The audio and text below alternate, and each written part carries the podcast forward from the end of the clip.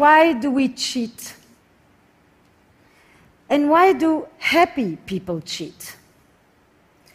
And when we say infidelity, what exactly do we mean? Is it a hookup, a love story, paid sex, a chat room, a massage with happy endings? Why do we think that men cheat out of boredom and fear of intimacy, but women cheat out of loneliness and hunger for intimacy? And is an affair always the end of a relationship? For the past 10 years, I have traveled the globe and worked extensively with hundreds of couples who have been shattered by infidelity. There is one simple act of transgression that can rob a couple from their relationship, their happiness, and their very identity an affair.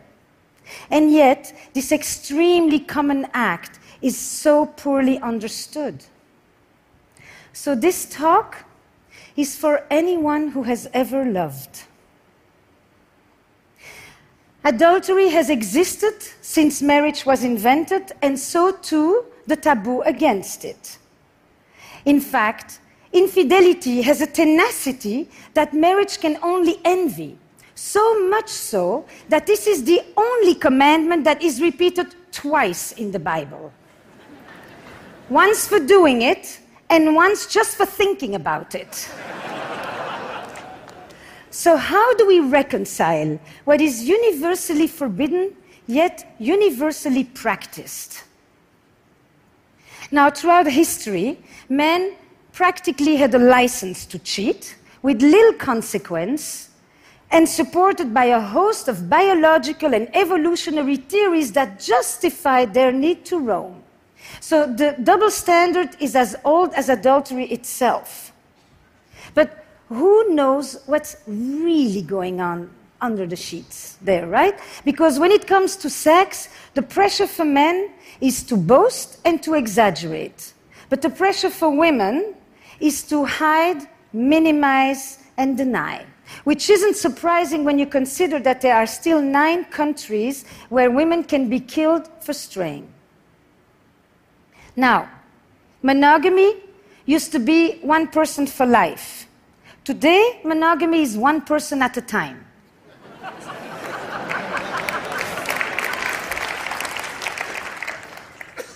I mean, many of you probably have said, I am monogamous in all my relationships. We used to marry and had sex for the first time, but now we marry and we stop having sex with others. The fact is that monogamy had nothing to do with love. Men relied on women's fidelity in order to know whose children these are and who gets the cows when I die. Now, Everyone wants to know what percentage of people cheat. I've been asked that question since I arrived at this conference. it applies to you. But the definition of infidelity keeps on expanding. Sexting, watching porn, staying secretly active on dating apps. So, because there is no universally agreed upon definition of what even constitutes an infidelity, estimates vary widely from 26% to 75%. But on top of it, we are walking contradictions. So 95% of us will say that it is terribly wrong for our partner to lie about having an affair, but just about the same amount of us will say that that's exactly what we would do if we were having one. Now, I like this definition of an affair. It brings together the three key elements a secretive relationship, which is the core structure of an affair, an emotional connection to one degree or another, and a sexual alchemy. And alchemy is the key word here, because the erotic frisson is such that the kiss that you only imagine giving can be as powerful and as enchanting as hours of actual lovemaking. As Marcel Proust said, it's our imagination that is responsible for love, not the other person. So it's never been easier to cheat, and it's never been more difficult to keep a secret. And never has infidelity exacted such a psychological toll. When marriage was an economic enterprise, infidelity threatened our economic security. But now that marriage is a romantic arrangement, infidelity threatens our emotional security. Ironically, we used to turn to adultery. That was the space where we sought pure love. But now that we seek love in marriage, adultery destroys it. Now, there are three ways that I think infidelity hurts differently today. We have a romantic ideal in which we turn to one person to fulfill an endless list of needs to be my greatest lover, my best friend, the best parent, my trusted confidant, my emotional companion, my intellectual equal. And I am it. I'm chosen, I'm unique, I'm indispensable, I'm irreplaceable, I'm the one. And infidelity tells me I'm not. It is the ultimate betrayal. Infidelity shatters the grand ambition of love. But if throughout history, infidelity has always been painful, today it is often traumatic because it threatens our sense of self. So, my patient Fernando, he's plagued. He goes on. I thought I knew my life.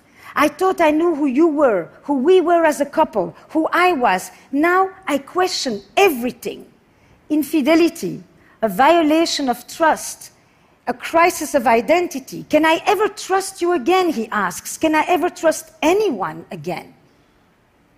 And this is also what my patient Heather is telling me when she's talking to me about her story with Nick, married, two kids. Nick just left on a business trip. And Heather is playing on his iPad with the boys when she sees a message appear on the screen Can't wait to see you. Strange, she thinks, we just saw each other. And then another message Can't wait to hold you in my arms. And Heather realizes these are not for her. She also tells me that her father had affairs, but her mother, she found one little receipt in the pocket and a little bit of lipstick on the collar.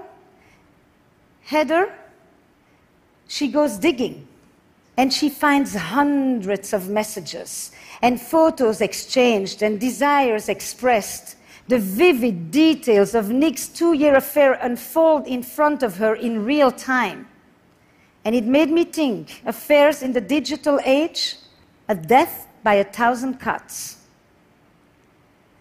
But then we have another paradox that we're dealing with these days. Because of this romantic ideal, we are relying on our partner's fidelity a, with a unique fervor. But we also have never been more inclined to stray. And not because we have new desires today, but because we live in an era where we feel that we are entitled to pursue our desires. Because this is the culture where I deserve to be happy. And if we used to divorce because we were unhappy, today we divorce because we could be happier. And if divorce carried all the shame, today choosing to stay when you can leave is the new shame. So Heather, she can't talk to her friends because she's afraid that they will judge her for still loving Nick. And everywhere she turns, she gets the same advice leave him, throw the dog on the curb. And if the situation was reversed, Nick would be in the same situation. Staying is the new shame. So if we can divorce, why do we still have affairs? Now, the typical assumption is that if someone cheats, either there's something wrong in your relationship or wrong with you. But millions of people can't all be pathological. The logic goes like this if you have everything you need at home, then there is no need to go looking elsewhere. Assuming that there is such a thing as a perfect marriage that will inoculate us against wanderlust. But what if passion has a finite shelf life? What if there are things that even a good relationship can never provide? If even happy people cheat, what is it about? The vast majority of people that I actually work with are not at all chronic philanderers. They are often people who are deeply monogamous in their beliefs, and at least for their partner. But they find themselves in a conflict between their values and their behavior. They often are people who have actually been faithful for decades, but one day they cross a line that they never thought they would cross, and at the risk of losing everything. But for a glimmer of what? Affairs are an act of betrayal, and they are also an expression of longing and loss. At the heart of an affair, you will often find a longing and a yearning for an emotional connection, for novelty, for freedom, for autonomy, for sexual intensity, a wish to recapture lost parts of ourselves, or an attempt to bring back vitality in the face of loss and tragedy. Now, I'm thinking about another patient of mine, Priya, who is blissfully married, loves her husband, and would never want to hurt the man. But she also tells me that she's always done what was expected of her good girl, good wife, good mother, taking care of her immigrant parents. Priya, she fell for the arborist who removed the tree from her yard after Hurricane Sandy. And with his truck and his tattoos, he's quite the opposite of her. But at 47, Priya's affair is about the adolescence that she never had. And her story highlights for me that when we seek the gaze of another, it isn't always our partner that we are turning away from, but the person that we have ourselves become. And it isn't so much that we're looking for another person as much as we are looking for another self. Now, all over the world, there is one word that people who have affairs always tell me they feel alive. And they often will tell me stories of recent losses, of a parent who died, and a friend that went too soon, and bad news at the doctor. Death and mortality often live in the shadow of an affair because they raise these questions Is this it? Is there more? Am I going on for another 25 years like this? Will I ever feel that thing again? And it has led me to think that perhaps these questions are the ones that propel people to cross the line, and that some affairs are an attempt to beat back deadness and an antidote to death. And contrary to what you may think, affairs are way less about sex and a lot more about desire desire for attention, desire to feel special, desire to feel important.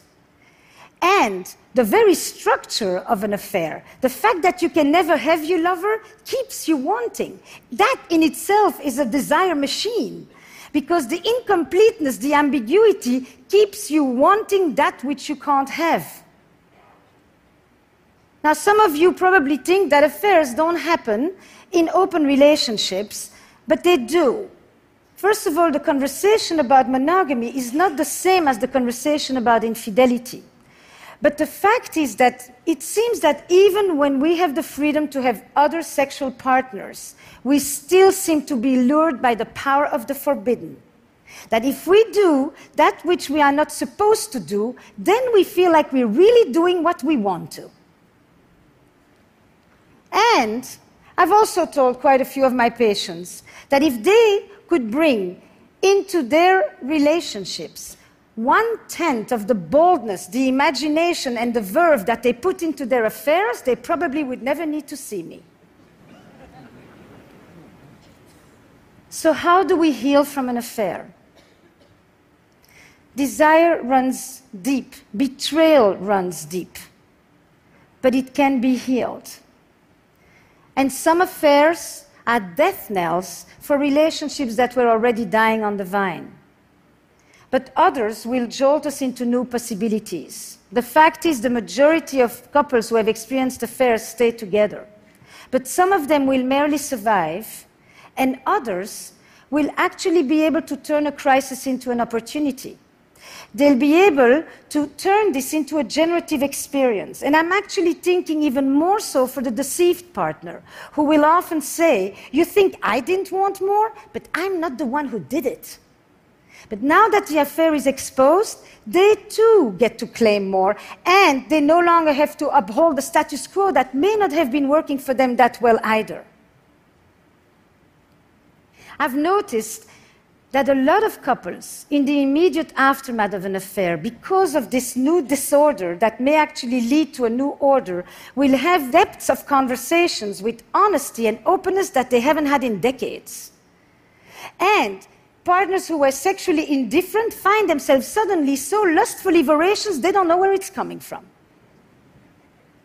Something about the fear of loss will rekindle desire and make way for an entirely new kind of truth. So, when an affair is exposed, what are some of the specific things that couples can do? We know from trauma that healing begins when the perpetrator acknowledges their wrongdoing. So, for the partner who had the affair, for Nick, one thing is to end the affair, but the other is the essential, important act of expressing guilt and remorse for hurting his wife. But the truth is that I have noticed that quite a lot of people who have affairs may feel terribly guilty for hurting their partner, but they don't feel guilty for the experience of the affair itself. And that distinction is important. And Nick, he needs to hold vigil for the relationship. He needs to become, for a while, the protector of the boundaries. It's his responsibility to bring it up. Because if he thinks about it, he can relieve Heather from the obsession and from having to make sure that the affair isn't forgotten. And that in itself begins to restore trust. But Heather, or deceived partners, it is essential to do things that bring back a sense of self worth to surround oneself with love and with friends and activities that give back joy and meaning and identity. But even more important is to curb the curiosity to mine for the sordid details. Where were you? Where did you do it? How often? Is she better than me in bed? Questions that only inflict more pain and keep you awake at night. And instead, switch to what I call the investigative questions the ones that mine the meaning and the motives. What did this affair mean for you? What were you able to express or experience there that you could no longer do with me? What was it like for you when you came home? What is it about us that you value? Are you pleased this is over? Every affair will redefine a relationship, and every couple will determine what the legacy of the affair will be. But affairs are here to stay, and they're not going away. And the dilemmas of love and desire, they don't yield just simple answers of black and white and good and bad and victim and perpetrator. Betrayal in a relationship comes in many forms. There are many ways that we betray our partner with contempt, with neglect, with indifference, with violence. Sexual betrayal is only one way to hurt a partner. In other words, the victim of an affair is not always the victim of the marriage. Now, you've listened to me, and I know what you're thinking. She has a French accent. She must be pro affair.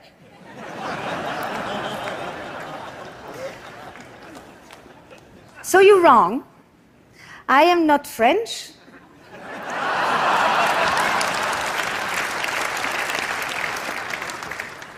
and I'm not pro affair. But because I think that good can come out of an affair, I have often been asked this very strange question Would I ever recommend it? Now, I would no more recommend you to have an affair than I would recommend you to have cancer.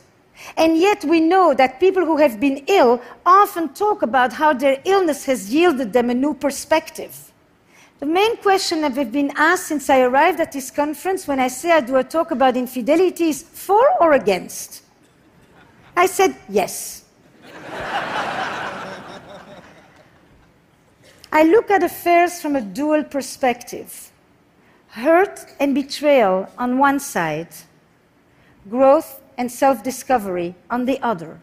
What it did to you and what it meant for me. And so when a couple comes to me in the aftermath of an affair that has been revealed, I will often tell them this. Today in the West, most of us are going to have two or three relationships or marriages. And some of us are going to do it with the same person. Your first marriage is over. Would you like to create a second one together? Thank you.